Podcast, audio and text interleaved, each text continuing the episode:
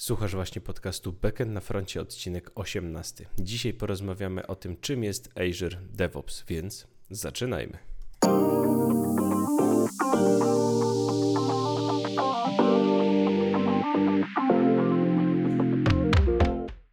Cześć, z tej strony Kajetan Duszyński i witam Cię w podcaście Backend na froncie. Po pierwsze dziękuję, że tu jesteś. Podcast Backend na froncie to miejsce, w którym spotykam się z ciekawymi postaciami związanymi z dotnetem i programowaniem po to, aby dostarczyć Ci trochę zabawy i masę wiedzy, ale przede wszystkim, żeby dać Ci szersze spojrzenie na możliwości, jakie daje platforma od Microsoftu.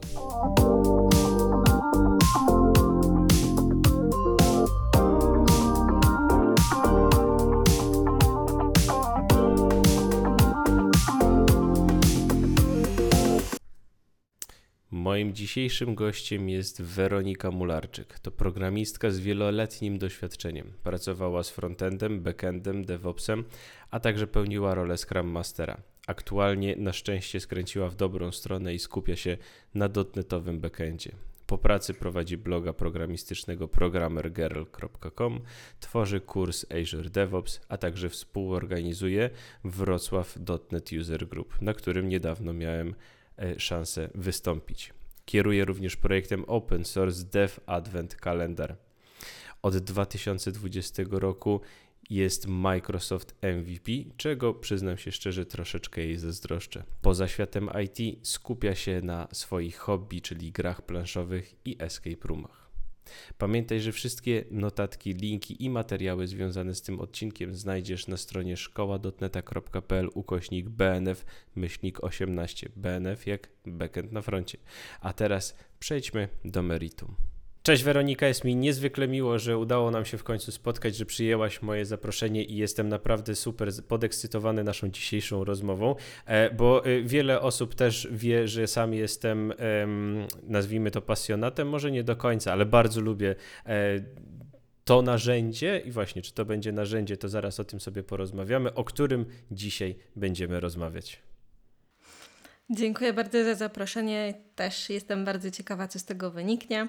Od razu uwóstwiam Twojego kota tam w tle, głaszczę go wirtualnie. Zapraszam, zapraszam, zapraszam. Tak, on jest, on jest bardzo chętny zawsze do wszelkich mizianek. Ehm, dobra, Weronika, to tak na wstępie takie e, pytanie rozgrzewkowe. Powiedz mi, jaką ostatnio przeczytałaś książkę albo jaki obejrzałaś serial, ewentualnie film? Nie musi to być związane z naszą branżą, nie musi to być związane z programowaniem. Coś, co sprawiło Ci przyjemność, coś, co Cię mocno wciągnęło. No, nawet nie będzie związane z programowaniem, bo byłam w kinie, e, byłam e, na Śmierci na Nilu, e, czyli Agata Christie w najlepszym wydaniu. To ostatnio weszło nowe do kin. Ogólnie polecam lepsze, gorsze momenty, ale sama fabuła oczywiście w miarę niezmieniona. Kiedyś oglądałam kryminał, właśnie serial Poirot, że tak powiem, z rodzicami, chyba kilka razy w tygodniu. E, więc jestem troszkę uzależniona. Hmm, więc polecam bardzo... też jako w ogóle rodzinną, e, rodzinną rozrywkę razem o. z dzieciakami. Okej, okay, okej, okay, to ciekawe. Muszę się przyznać, że e, ze względu na sytuację, którą mamy od kilku już lat, niestety nie chodzę tak często do kina, jakbym chciał, ale może to się zmieni. Natomiast dzisiaj zadam Ci jeszcze jedno pytanie rozgrzewkowe, bo to, co na samym początku o tobie przygotowałem i co, o czym mówiłem, bardzo już mnie zaciekawiło, więc chcę od razu pociągnąć temat. Escape roomy. Czy to jest coś, co robisz regularnie? Czy to jest coś, co zdarza ci się gdzieś tam od przypadku do przypadku? Czy jesteś specjalistą? Bo w kilku byłem i właśnie często rozmawiam z tą obsługą i wszyscy mówią, że są takie grupy, które jeżdżą po całej Polsce, po escape roomach i jak mają godzinę na wyjście, to 55 minut sobie siedzą e, i, i w ogóle nic nie robią i potem w ostatnie 5 minut po prostu rozbiegają się i są w stanie wszystko ogarnąć. Czy ty jesteś taką osobą? Nie aż tak, w sensie z tymi 55 minutami to na pewno nie, chociaż jakiś rekord gdzieś tam udało nam się pobić, e, w sumie troszeczkę przypadkiem. E, mam ekipę, z którą jeździmy po całej Polsce i, i nawet byliśmy gdzieś za granicą w escape roomach i jest tam około już setka tych escape roomów, więc trochę tego jest. Um, aczkolwiek dawno niestety nie byłam, bo, e, bo miałam jeszcze w listopadzie operację wzroku, później zmieniałam pracę, no i właśnie będziemy planować y, jakiś wyjazd w, może w marcu. Wybieram Super. się do Krakowa, może tam coś odwiedzę. Super, to jest w ogóle niesamowite. Ja też bardzo lubię escape roomy. Do, do stu to mi jeszcze bardzo, bardzo daleko, ale w ogóle jestem, jestem zachwycony, że w dzisiejszych czasach też jest taka rozrywka gdzieś na mieście dla dorosłych. Nie są tylko jakieś sale zabaw z piłeczkami dla dzieci, tylko dorośli faktycznie mogą wyjść i mają coś innego niż kino, teatr, jeśli ktoś lubi, czy jakaś, e, czy jeszcze coś innego kulturalnego, tylko faktycznie można pójść i się rozerwać w taki ciekawy sposób. Bardzo mi się podoba to hobby. Dobra, ale zacznijmy już taką e, rozmowę e, na poważnie. Ha. Powiedz mi, o co chodzi w ogóle z DevOpsem? Jak to jest, że coś takiego powstało i w ogóle skąd pochodzi nazwa Azure DevOps? Czy wiesz? No właśnie, no właśnie. No stąd yy, to jest bardzo dobre pytanie na sam początek, bo ludzie pytają mnie czasami o Azura mając na myśli Azure DevOpsa.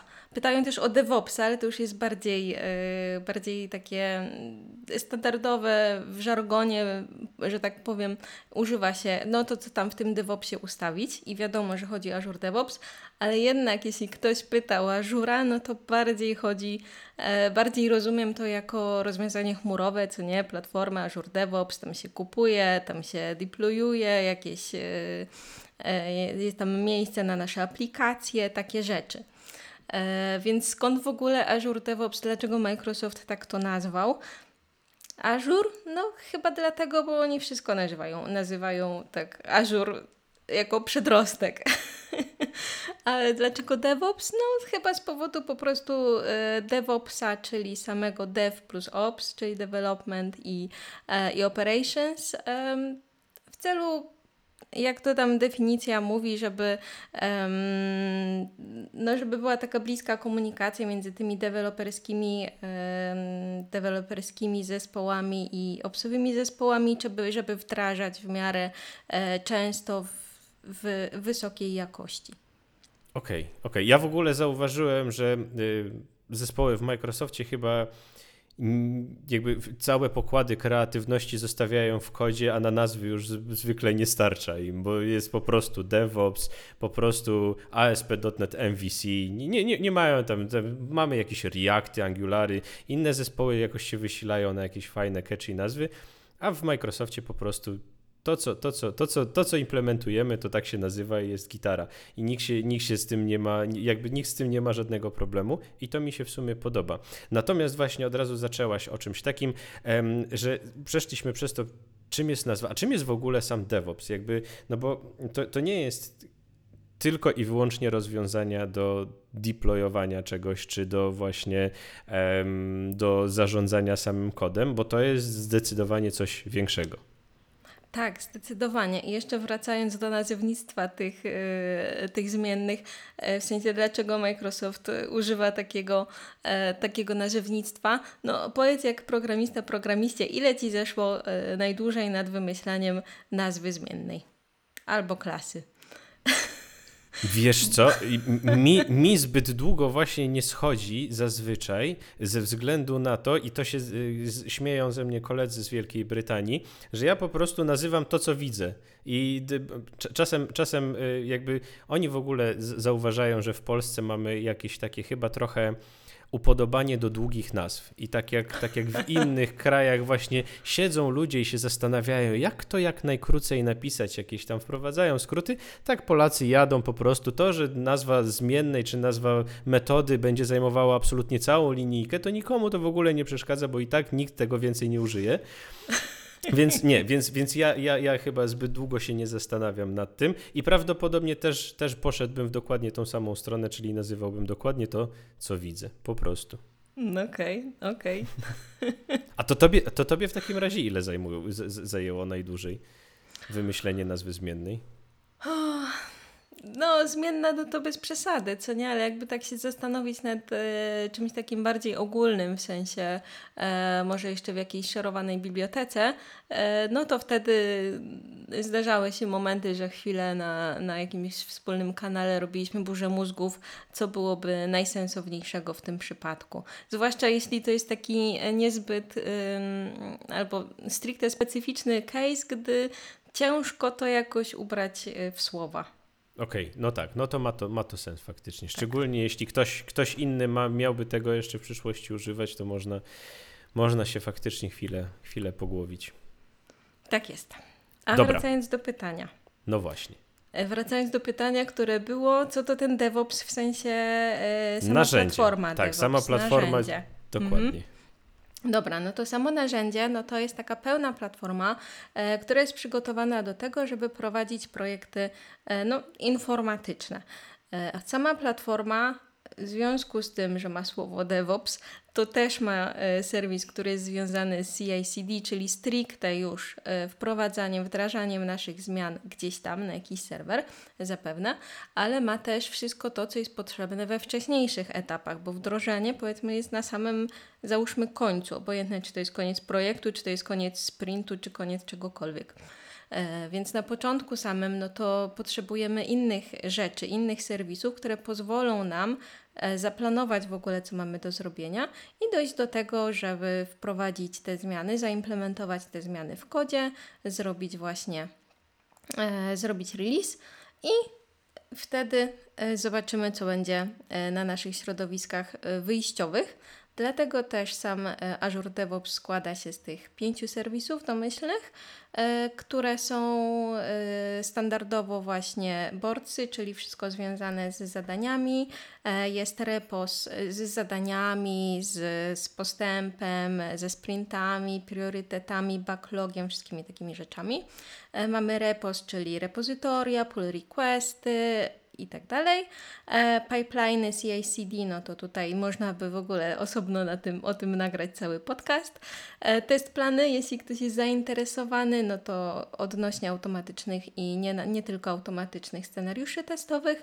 No i tak samo artefakty, jeśli tworzymy paczki, na przykład sobie w organizacji e, takie e, szerowane biblioteki tworzymy i korzystamy z nich w różnych innych zespołach. Czyli na przykład inne repozytoria korzystają z e, jakichś wspólnych rozwiązań.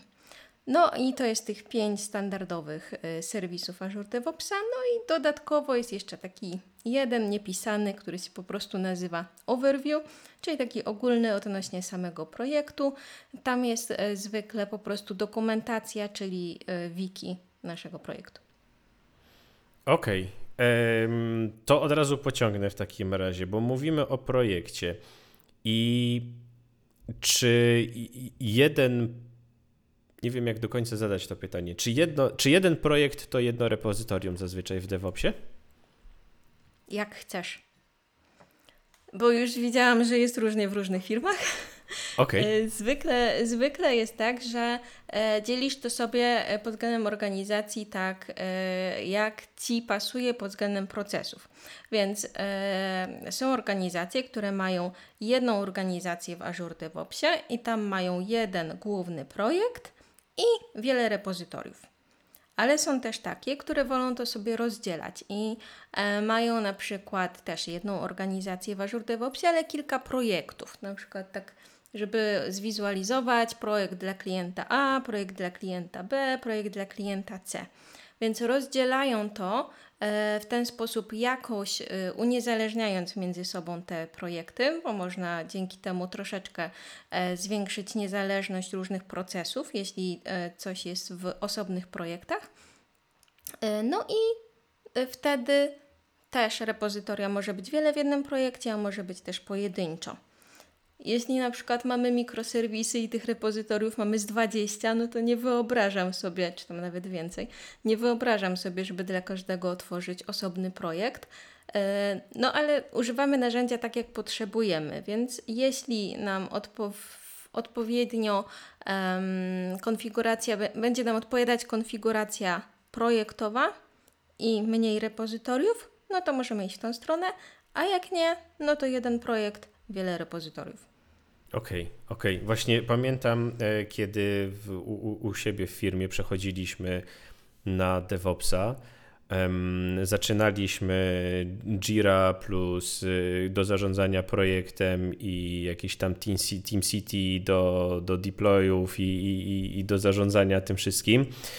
Nienawidziłem tego od samego początku, od kiedy przyszedłem i pierwszego dnia praktycznie, kiedy się spotkałem z tym wszystkim, powiedziałem absolutnie musimy coś zrobić, żeby przejść do DevOpsa, bo, bo tak to się nie da pracować. Nadal pracujemy Jira plus DevOps, ale już jest i tak lepiej, e, bo, bo, bo przynajmniej repozytoria i ten cały proces CI/CD mamy w jednym miejscu, ale to do czego dążę, Mm, kiedy przechodziliśmy z całą tą organizacją właśnie na DevOpsa, to przez długi czas się zastanawialiśmy, jak zorganizować sobie tam pracę, jak właśnie podzielić to wszystko na projekty. I gdzieś trafiliśmy na jakiś taki mm, artykuł od Microsoftu, który mówił, że oni w, swoim, w swojej organizacji starają się mieć jak najmniej projektów. To znaczy, jest tam tak, że kilka czy kilkanaście nawet zespołów może mieć jeden projekt i po prostu mają ileś tam e, repozytoriów, bo też można sobie per repozytorium odpowiednie prawa ponadawać i odpowiednio to sobie pokonfigurować. Natomiast z drugiej strony sobie teraz myślę, że u nas jakby to też mogło się sprawdzić i się sprawdza, powiedzmy, w miarę dobrze, ze względu na to, że wykonujemy raczej takie projekty wewnętrzne, ale gdybyśmy robili właśnie, tak jak wspomniałaś, projekty jakieś dla klientów, no to chyba wtedy dobrze jest mieć ten podział na projekty, no bo na przykład możemy sobie dodać jakichś stakeholderów, którzy, którzy byliby z zewnątrz i wtedy kwestia zarządzania prawami dostępu mocno nam się upraszcza. Gdzieś tam o samym licencjonowaniu jeszcze sobie za chwilę porozmawiamy, ale powiedz mi, czy to moje myślenie jest takie w miarę, w miarę sensowne. Mhm, tak jak najbardziej, zwłaszcza, że czasami klienci wymagają tego, żeby to jednak był zupełnie odrębny byt. A jeśli to jest jedna, jeden projekt, oczywiście no jest, są osoby, które tym zarządzają i pilnują, kto ma do czego e, dostęp, do jakiego projektu masz dostęp, a do którego nie, ale jednak no, na poziomie organizacji bądź projektu wyodrębnienie tego do czegoś zewnętrznego jest e, no, zupełnie takim odrębnym, jeszcze bardziej e, zewnętrznym procesem.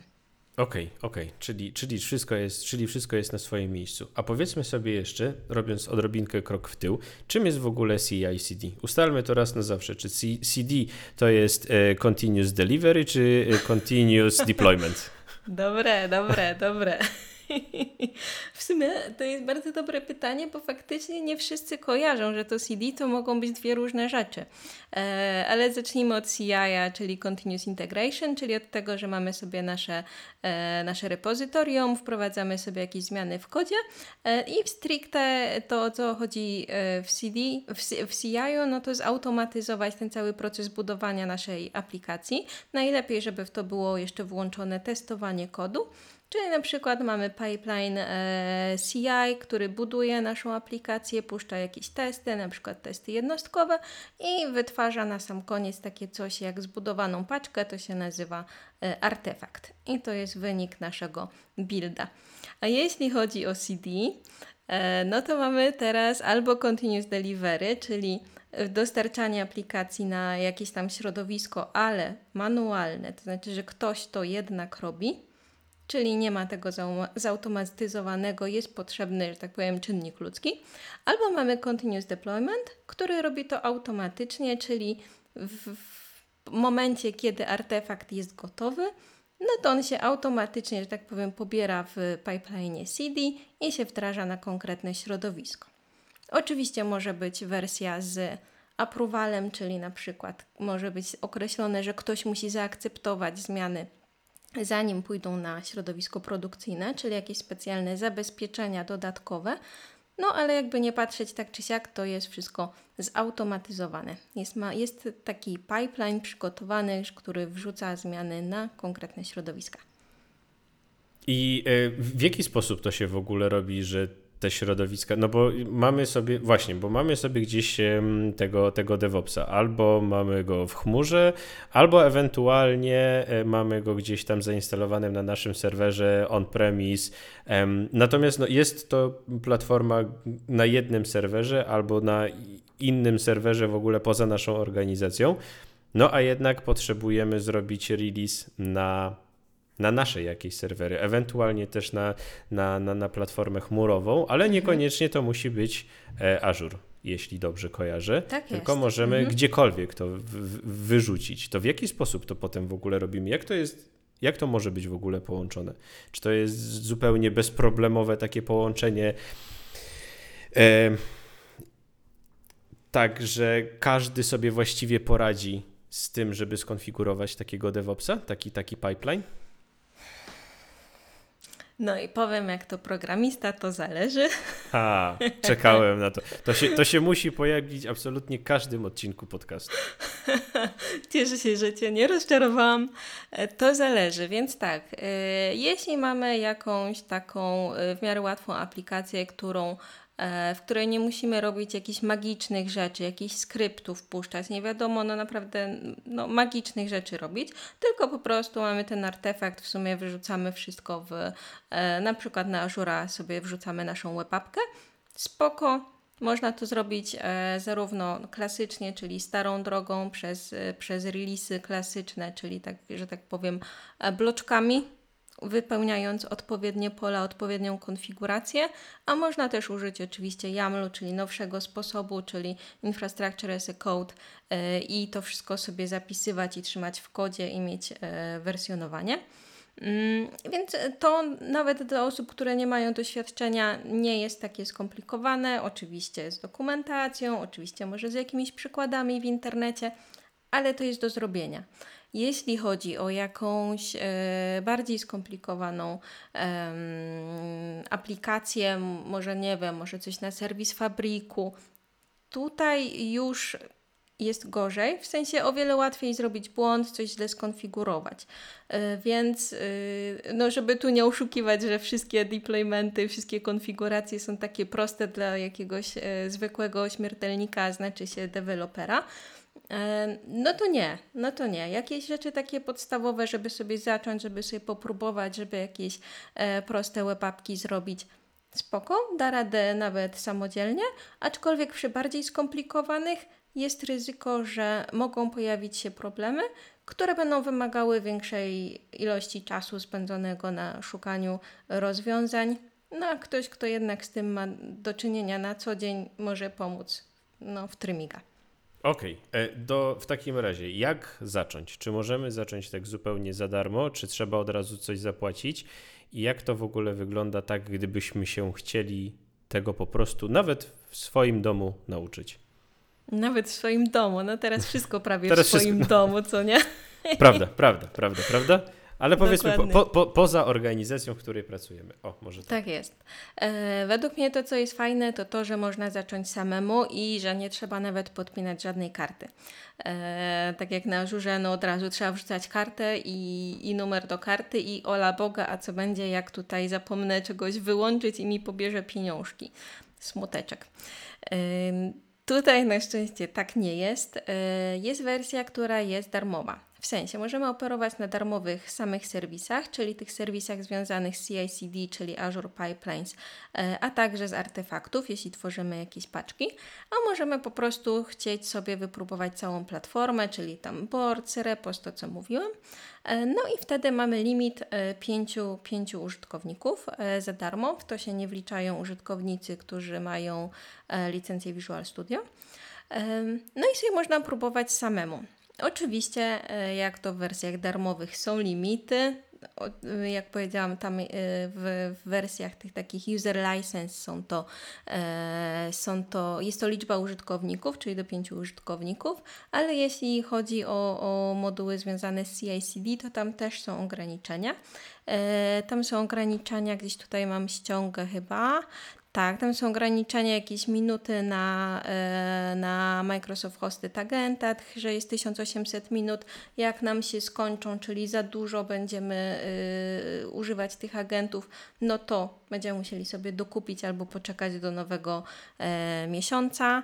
E, oczywiście jest też jeden, e, jeden self-hosted agent, więc nie jest tak źle. Mm, a artefakty mają e, 2 giga. Więc też, jeśli będziemy mieć dużo paczek i przechowywać je na, w serwisie Azure Artifacts, to też może się nam ten, ma nam te, ta pamięć skończyć. Aczkolwiek do własnych potrzeb, a nawet do jakichś własnych takich mniejszych projektów współdzielonych z kilkoma osobami, a może nawet i dla jakiejś organizacji, taka wersja nawet mogłaby wystarczyć. Więc to nie jest powiedziane, że od razu trzeba e, wydawać miliony monet, żeby w ogóle sobie sprawdzić, jak, e, czy w ogóle jest sens przechodzić na tego Azure DevOpsa i jak tam się w nim w ogóle rozeznać, jak tam te sprinty się ustawia, albo jak tam się na tych taskach coś robi. Wszystko to sobie można zrobić na spokojnie w domu, z limitami, no ale jednak za darmo. I potem właśnie tak e, czysto teoretycznie w tej chwili mówiąc, możemy nawet za darmo wykorzystywać to narzędzie komercyjnie, prawda? Do komercyjnych projektów. Wiesz co? Tu się trzeba by było wgryźć w dokumentację, bo że tak powiem, do komercyjnych projektów tego nie używam. Używałam to do open source'owych projektów. Znaczy nie używałam e, wersji free do komercyjnych projektów, to miałam na myśli. Używałam ją do wersji do open source'owych projektów, bo tam też są zwiększone limity. Więc jeśli mamy jakiś projekt open source'owy, czyli kod jest e, dostępny publicznie, e, to tam są jakieś tak, 10 free parallel jobs jest dostępnych w standardzie dla takich projektów. Więc też troszeczkę inaczej Microsoft tutaj wspiera e, community open source'owe. No tak, od kilku lat to jest główny priorytet Microsoftu, żeby pokazać, jak bardzo otwarci jesteśmy. E, dobrze. E, co ja chciałem się dalej zapytać? Właśnie, wspomniałaś o tych małych organizacjach. Czy DevOps jako takie bardzo duże narzędzie, jako taka praktycznie cała platforma, nadaje się również do takich małych organizacji, jakichś małych firemek, które gdzieś tam dopiero zaczynają? Czy to nie jest jakiś powiedzmy over engineering, żeby coś takiego wprowadzać w małej firmie? No bo wiadomo, że jak, jak jest duża organizacja, to się, to się te kombajny stawia, e, żeby, żeby komuś tam było lepiej, albo żeby ktoś swoje KPI je dowiózł, bo, bo miał wprowadzić jakąś automatyzację i wprowadził. A jak to jest właśnie, czy, czy, czy to nie jest tak, że to troszeczkę za dużo, że, że, że właściwie jak mamy małą organizację, no to, no to co to za problem tam wrzucić ten, ten jeden projekt raz w tygodniu ręcznie i, i, i, i gdzieś tam to repo można sobie trzymać nawet u siebie na serwerze. Czy, to, czy, czy, czy ty widzisz jakby sens tego, żeby każda, nawet najmniejsza firma wprowadzała tego typu narzędzia od samego początku, jak tylko może? Mhm. Y, ja wychodzę z założenia, jakkolwiek Azure DevOpsa y, uwielbiam i, i, i, tak jak Ty mówiłeś o, o GJ Team City, no nie, nie, nie. E, ja uważam, że narzędzia powinny być dostosowane do naszych potrzeb, więc do potrzeb firmy.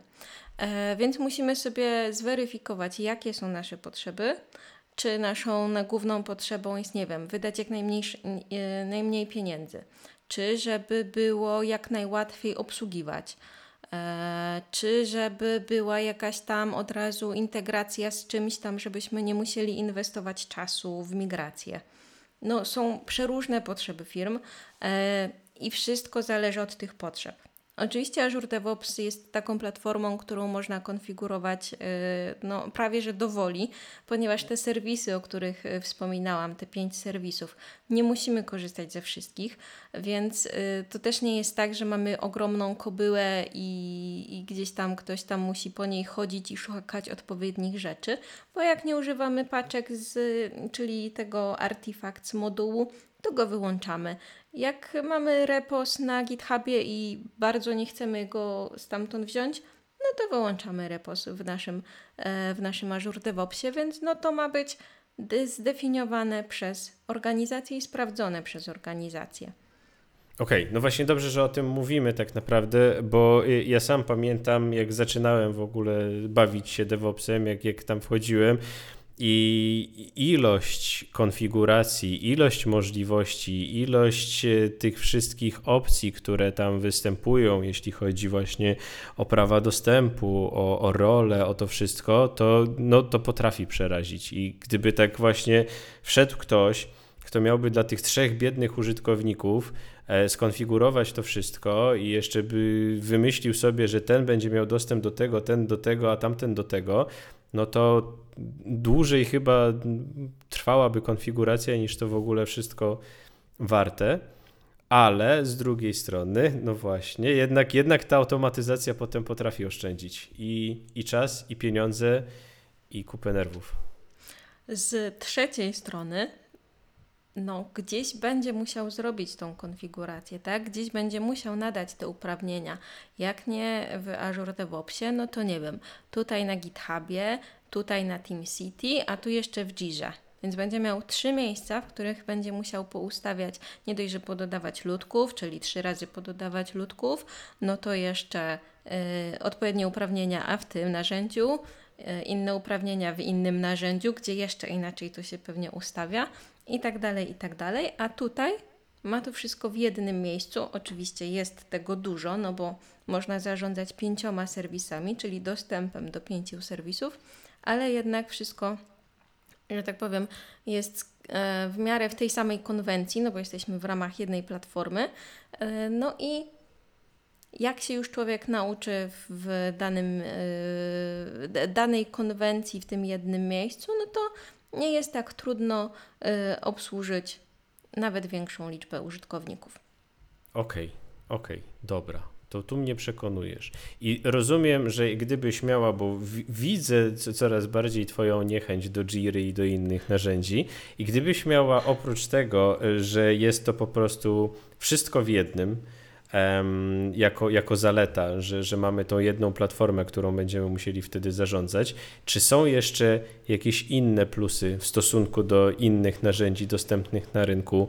E, które można by było pokazać, jeśli chodzi o właśnie e, takie benefity korzystania z DevOpsa? Mhm, jak najbardziej. E, tutaj jeszcze tylko zanim zacznę wychwalać, bo to wiadomo, e, jak się zaczyna wychwalać, to słuchacze myślą, o to tam jakiś haczyk, to na pewno są jakieś minusy. E, więc tak, na pewno, na pewno są minusy i tutaj e, nie będę ukrywać, że coś takiego może być. Nawet dostałam ostatni e, feedback, zapytanie od jednego, jednej osoby odnośnie Azure DevOpsa, jak coś zrobić, jak się zmigrowało z Jiry.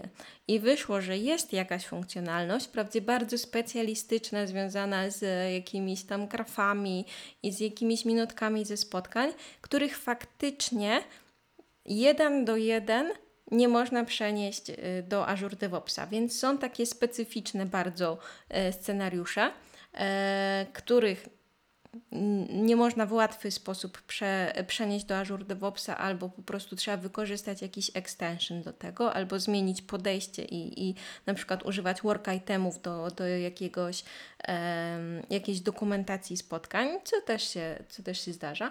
Um, to, o czym chciała, na co chciałam zwrócić uwagę, to to, że ja mogę być niechętna na przykład jakiemuś rozwiązaniu, na przykład Jirze, ale to nie zmienia faktu, że Jira jest stricte ukierunkowana na, yy, jakby to tak najprościej powiedzieć, zarządzanie zadaniami, prawda? Yy, czyli zarządzanie tym całym projektem od strony zadań. No i ona jest jednym wielkim narzędziem, który to robi. A Azure DevOps ma jeden moduł, który to robi. Więc oczywiste będzie, że on nie będzie miał stricte e, tyle samo funkcjonalności e, na takim poziomie jak, e, jedno, jak cała jedna Jira, no bo on też odpowiada za wiele innych rzeczy.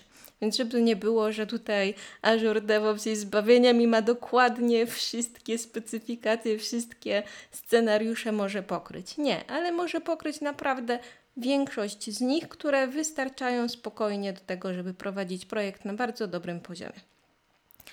A, przechodząc teraz do tych zalet. Jak już usprawiedliwiłam, jakie mogą być minusy. Dobrze. Odnośnie y, zalet, to o tym właśnie będę miała prelekcję y, w przyszłym miesiącu, albo możliwe, że jest już marzec, to w tym miesiącu na Azure Summit będę, y, będę występować. w każdym razie to, co chciałam powiedzieć, to to, że po pierwsze z kontami, to o czym mówiłam, konta są w jednym miejscu, za zarządzanie uprawnieniami jest w jednym miejscu, więc to jest ten fajny plus e, posiadania wszystkiego w Azure DevOps. Kolejna rzecz, doświadczenia UX-owe są też podobne. Wiadomo, że te serwisy się różnią między sobą i że repos to jest coś innego niż e, Artifacts czy coś innego niż serwis Pipelines, ale jednak oczekujemy jakiejś spójności w UX-ie i tą posiadamy. A jeśli chodzi o zewnętrzne narzędzia, pięć różnych narzędzi, no to jednak nie będziemy oczekiwać, że UX będzie podobny, że procesy będą podobne, jak coś zrobić. Kolejna rzecz, bardzo łatwo możemy przejść ścieżkę od naszego e, zadania, od, naszego, od naszej definicji, co ma być zrobione, do release'u, czyli na jakie środowisko zmiany zostały wdrożone. I to jest pełna ścieżka, czyli e, zadanie, zmiana w kodzie, czyli jakiś commit, pull request, build, który przeszedł z testami i, e, i już release, czyli deployment. I dokładnie w odwrotną stronę też bardzo łatwo przejść, przez to, że są po prostu podlinkowane rzeczy. Więc nie trzeba mieć wiedzy stricte na przykład DevOpsowej, czy nawet nie trzeba mieć stricte deweloperskiej wiedzy. Może przyjść menedżer i przeklikać się przez to i zobaczyć, czy te zmiany są już dostępne. Albo nawet są takie e, funkcje, że pozwalają z poziomu work itema, czyli tego naszego taska, zobaczyć, dobra, czy ta zmiana już jest na środowisku i jeśli tak, to na jakim.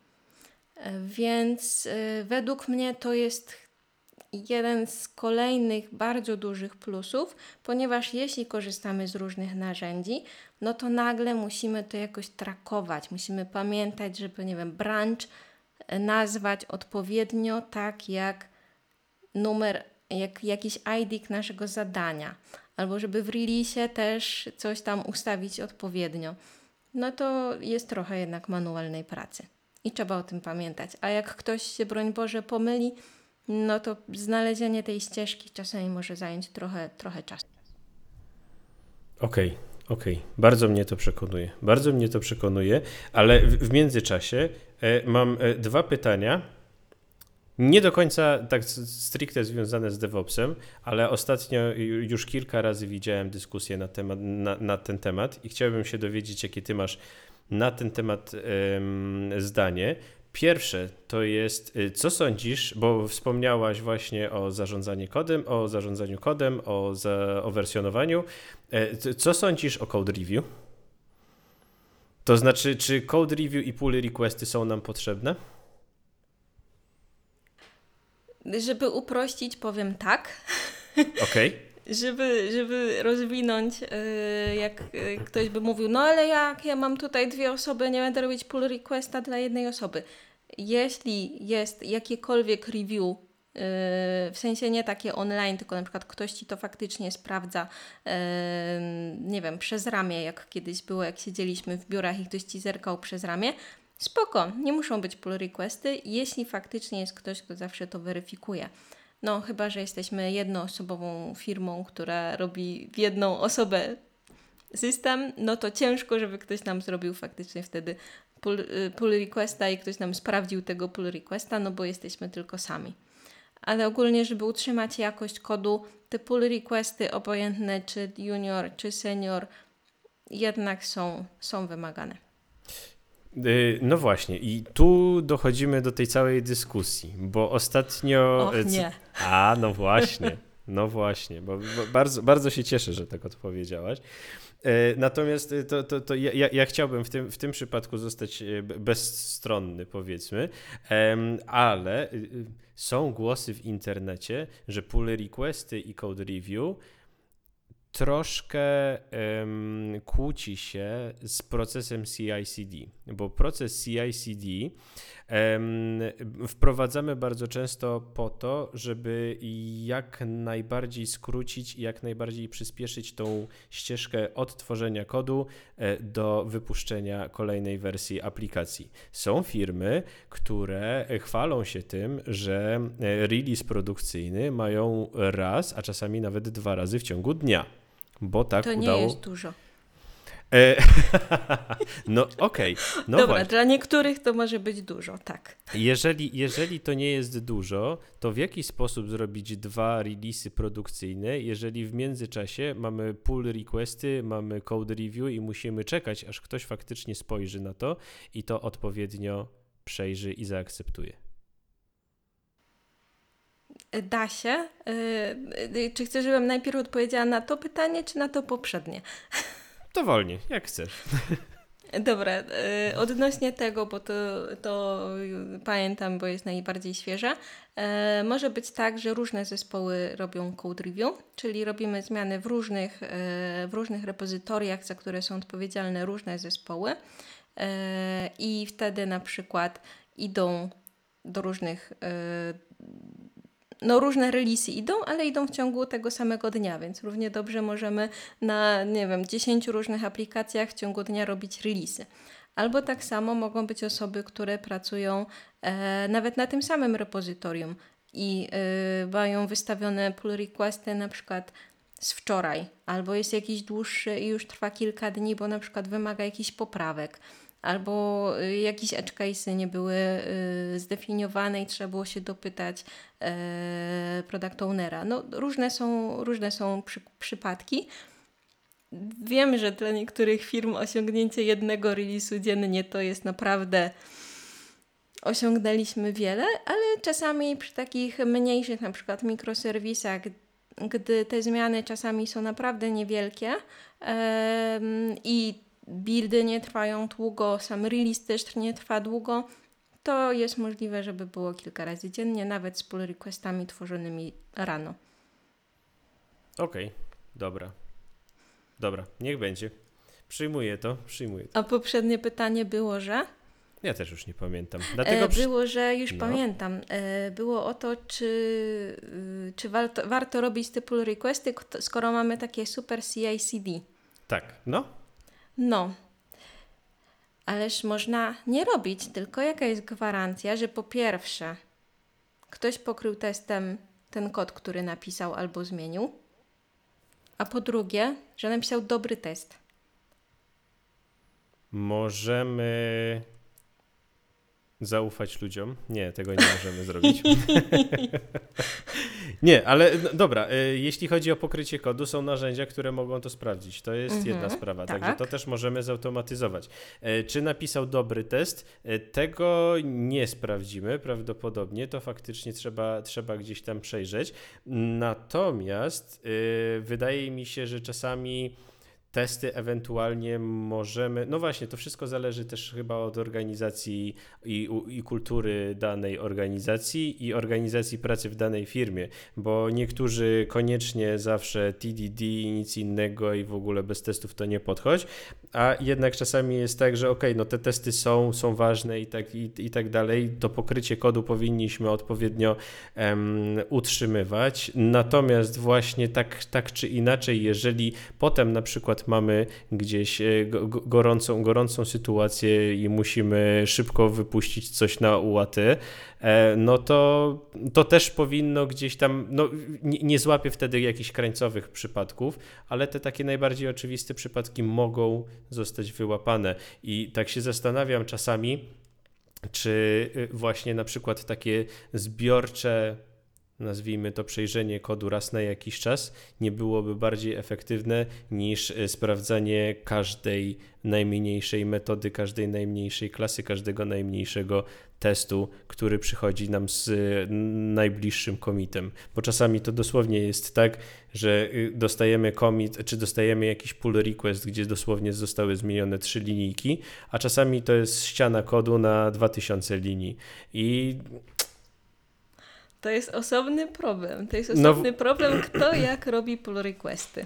To jest właśnie osobny problem, kto jak robi pull requesty i potem kto jak podchodzi do tego code review. Czy, no bo jak, jak sobie dostaniesz taki pull request na e, zmienionych trzech plikach i masz dodatkowych 100 linii kodu, to faktycznie usiądziesz i to przejrzysz. A jak nie daj Boże, faktycznie jest jakiś feature, który dopiero co powstaje i ma tych linii kodu zdecydowanie więcej, no to niech pierwszy rzuci kamieniem ten, który nie zaakceptował pull requesta przeglądając tylko pobieżnie ten kod. Tak jest, strategiczna cisza. No właśnie, dobrze. Tutaj mogę jeszcze dodać sobie. gwiazdkę, że w, w ramach y, jakichś naprawdę kryzysowych rzeczy, gdy faktycznie nie ma czasu, y, a pali się totalnie i zaraz ten pożar y, wykończy naszą organizację, to jest jeszcze coś takiego jak bypass policies. Oczywiście antypattern, ale bypass policies na pull requestie znaczy się, że y, jeśli oczywiście mam odpowiednie uprawnienia, to mogę zakończyć pull request, czyli wprowadzić zmiany bez akceptacji tego teoretycznie wymaganego reviewera. Dokładnie, tak jest. Dobra, to zamykamy ten temat. I jeszcze jeden temat z mojej prywatnej puli e, pytań, e, to znaczy DevOps jako oddzielna rola w projekcie, czy jako oddzielna rola w zespole, czy DevOps jako rola deva albo opsa? Panie, otwierasz puszkę Pandory. Wiem, wiem i bardzo mnie to cieszy. Ojej, e, powiem Ci, że nawet mam aktualnie taką dyskusję w zespole. Prowadzimy takie dyskusje. Co, co, jak to powinno być, bo podręcznikowo według DevOpsa powinno być tak, a tutaj nagle byśmy chcieli inaczej. E, ja do tego podchodzę bardziej zdroworozsądkowo, troszkę nie patrząc na definicję.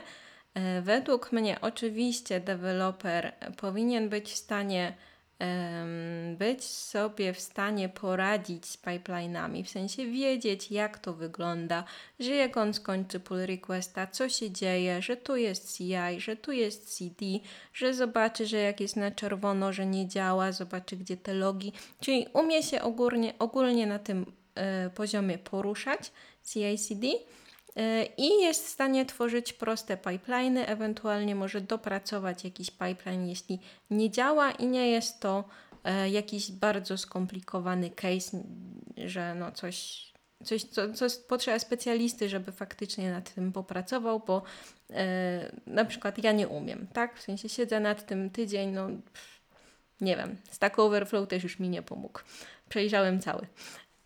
A jeśli chodzi o DevOpsów stricte, DevOpsów czy Opsów, jak tam kto ich nazwie, czyli powiedzmy osoby niekoniecznie piszące kod, ale takie, które e, bardziej się zajmują tą stroną, jak się coś wgrywa, jak na tym ażurze to wygląda, ile my tym mamy tych wijemek, czy nie mamy wijemek, jakie one mają wielkości Potem na przykład się u mnie w jednej organizacji DevOpsi zajmowali właśnie taką bardziej zarządzaniem tymi rzeczami chmurowymi. To według mnie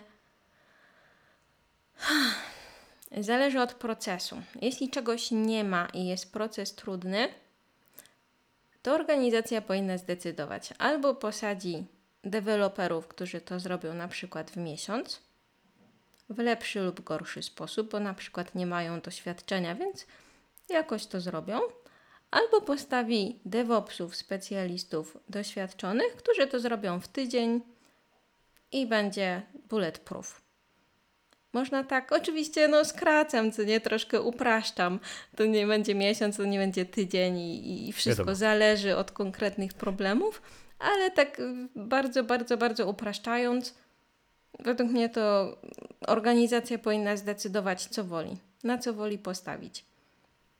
Okay. Bo wdrażanie DevOpsów osobno, zatrudnianie DevOpsów i zatrudnianie ich tylko na jakiś czas, bo na przykład potem nie będą mieli co robić.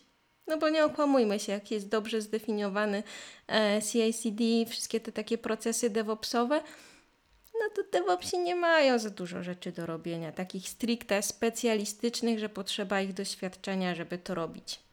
Jeśli no nic się wielkiego nie zmienia w projekcie.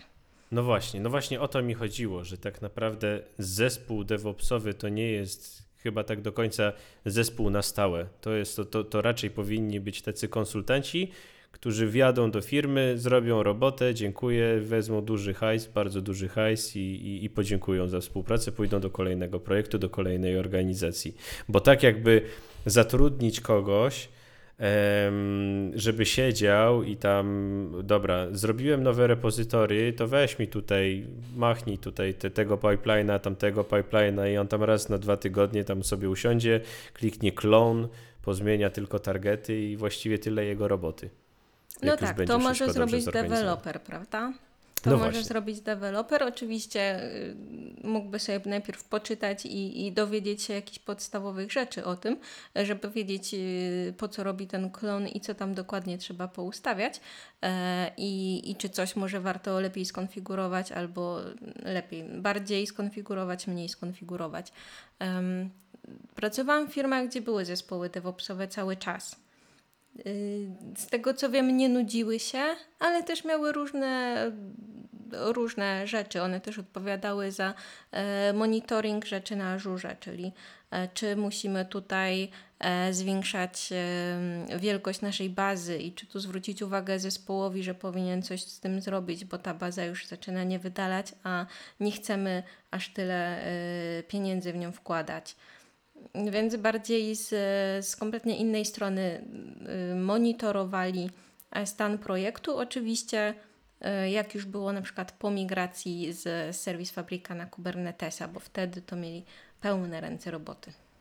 No tak, no tak. Tylko właśnie to wtedy, to wtedy znowu z drugiej strony, czy oni wtedy bardziej nie są od operations, infrastructure i dodatkowo mają właśnie kwestie związane z DevOpsem, i jakby, a, a, a gdyby było tak, że masz i zespół deweloperski, i zespół jakiś tam infrastructure network operations, to czy wkładać jeszcze dodatkowo do środeczka zespół DevOpsowy, który będzie się tylko e, tym zajmował? Czy wtedy oni się już mogą zanudzić?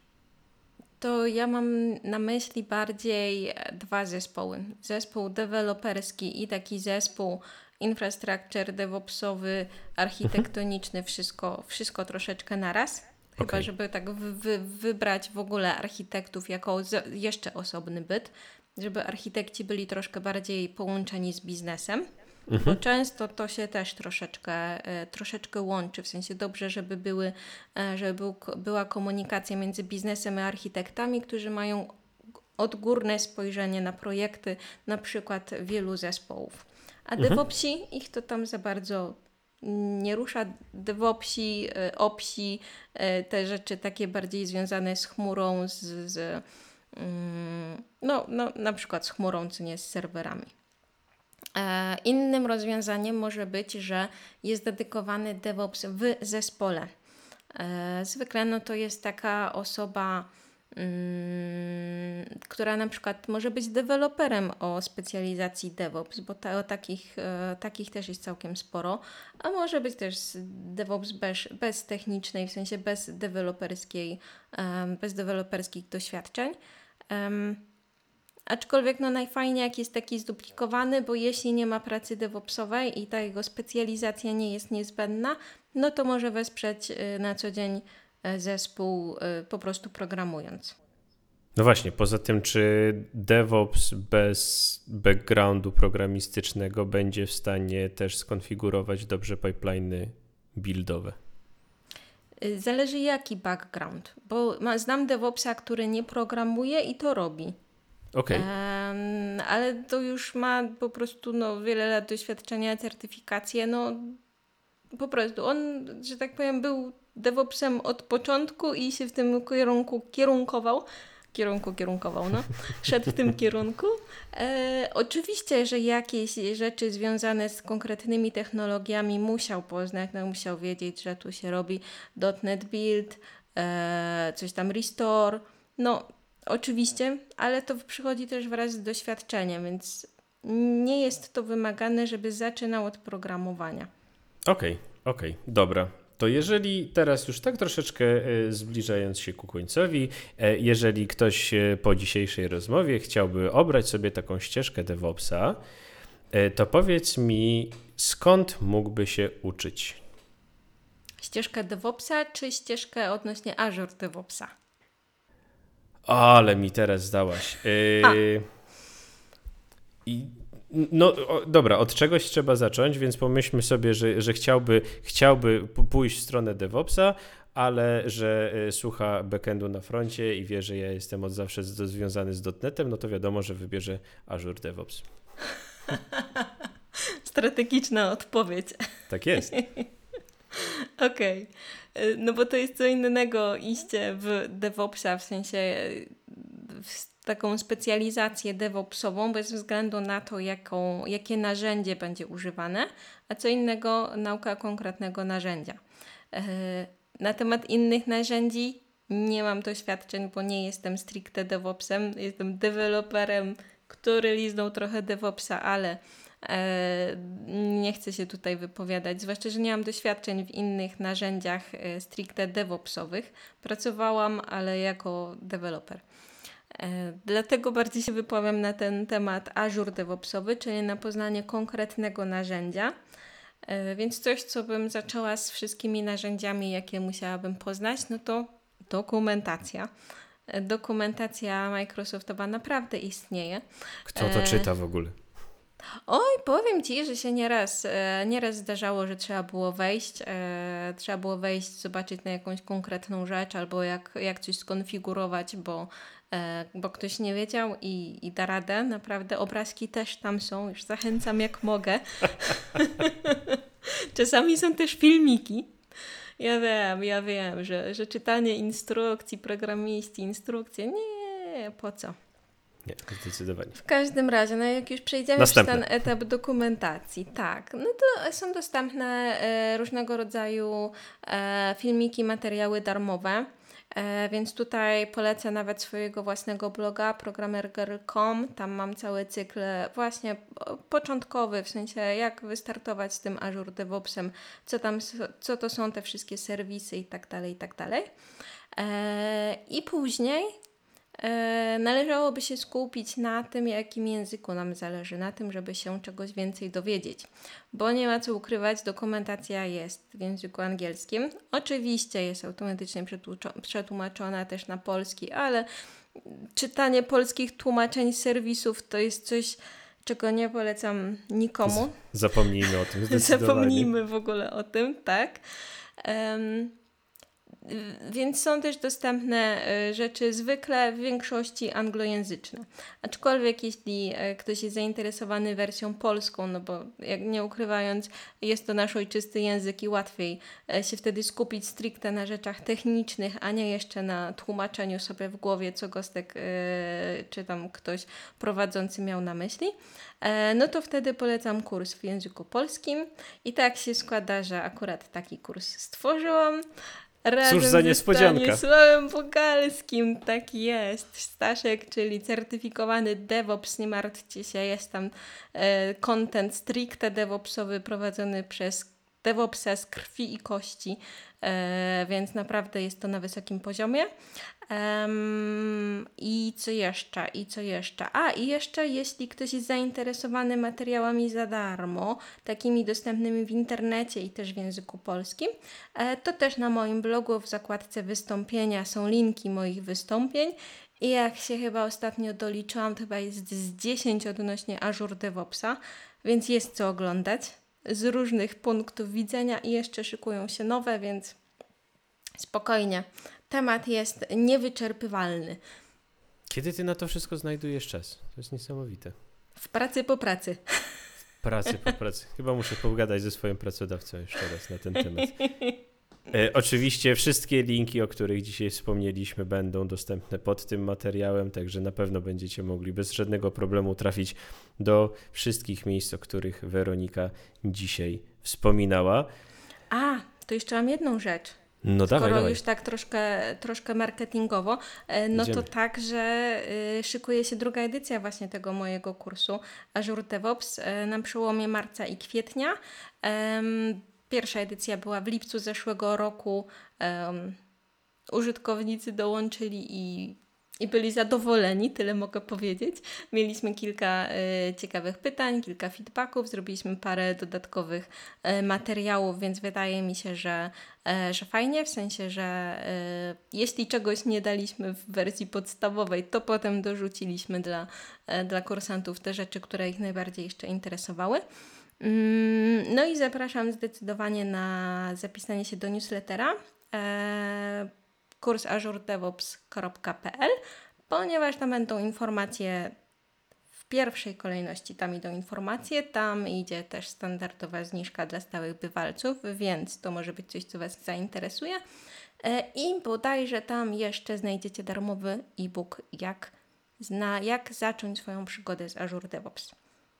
Super. Ja też na pewno wskoczę, na pewno się zapiszę, e, na pewno będę cały czas obserwował Wasze działania, bo to jest bardzo fajna, też wiem, że bardzo fajna wiedza, bardzo fajne materiały z tego, co słyszałem. Nie widziałem, ale słyszałem wiele dobrego, także zdecydowanie mogę polecić. E, i cóż, dziękuję Ci bardzo, Weronika, za to dzisiejsze spotkanie. Tak jak myślałem, będzie, była to super interesująca rozmowa e, i mam nadzieję, że nie, nie nasza ostatnia. Mam nadzieję, że jeszcze kiedyś zdarzy nam się porozmawiać, bo jak widać, jesteś osobą o wielu talentach, a już nie mówiąc o tym, że cały czas e, aktywną Microsoft MVP, no to wiadomo, że teraz y, oglądalność mojego podcastu powinna podskoczyć przynajmniej trzykrotnie. Także dziękuję Ci ślicznie. E, do usłyszenia. Powodzenia we wszelkich e, Twoich projektach, wystąpieniach, które będą w tym roku. Mam nadzieję, że przynajmniej część uda mi się też zobaczyć. E, I do usłyszenia. Dziękuję bardzo, pozdrawiam Cię bardzo serdecznie, dziękuję za zaproszenie. Było mi bardzo, bardzo, y, no przemiło mi było. Fajne miałeś pytania, bardzo takie do dyskusji, co, co doceniam, bo trzeba y, pokazać czasami, że jest wiele stron medalu, nie tylko jedna, że jakoś jedno rozwiązanie jest najlepsze. E, więc dziękuję Ci za to i, i życzę miłego popołudnia.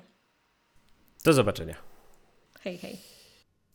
Mam nadzieję, że dzisiejszy odcinek, mój wielki powrót do podcastowania w 2022 roku, przypadł Ci do gustu. Będę super wdzięczny, jeśli podzielisz się swoimi przemyśleniami na YouTube, jeśli właśnie mnie oglądasz, albo w mailu wysłanym na adres kajetanmałpaszkoła.net.pl.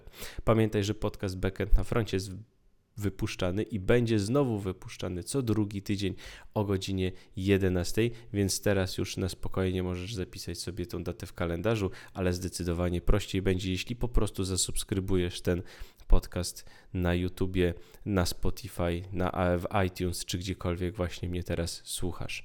Dodatkowo będę super wdzięczny, jeśli zechcesz wystawić mi ocenę w katalogu iTunes. Zachęcam również do śledzenia innych moich poczynań w sieci poprzez obserwowanie fanpage'a szkoła.neta na Facebooku, a także profilu Kajetan Duszyński na Instagramie. A teraz już się z Tobą żegnam i słyszymy się za dwa tygodnie. Cześć.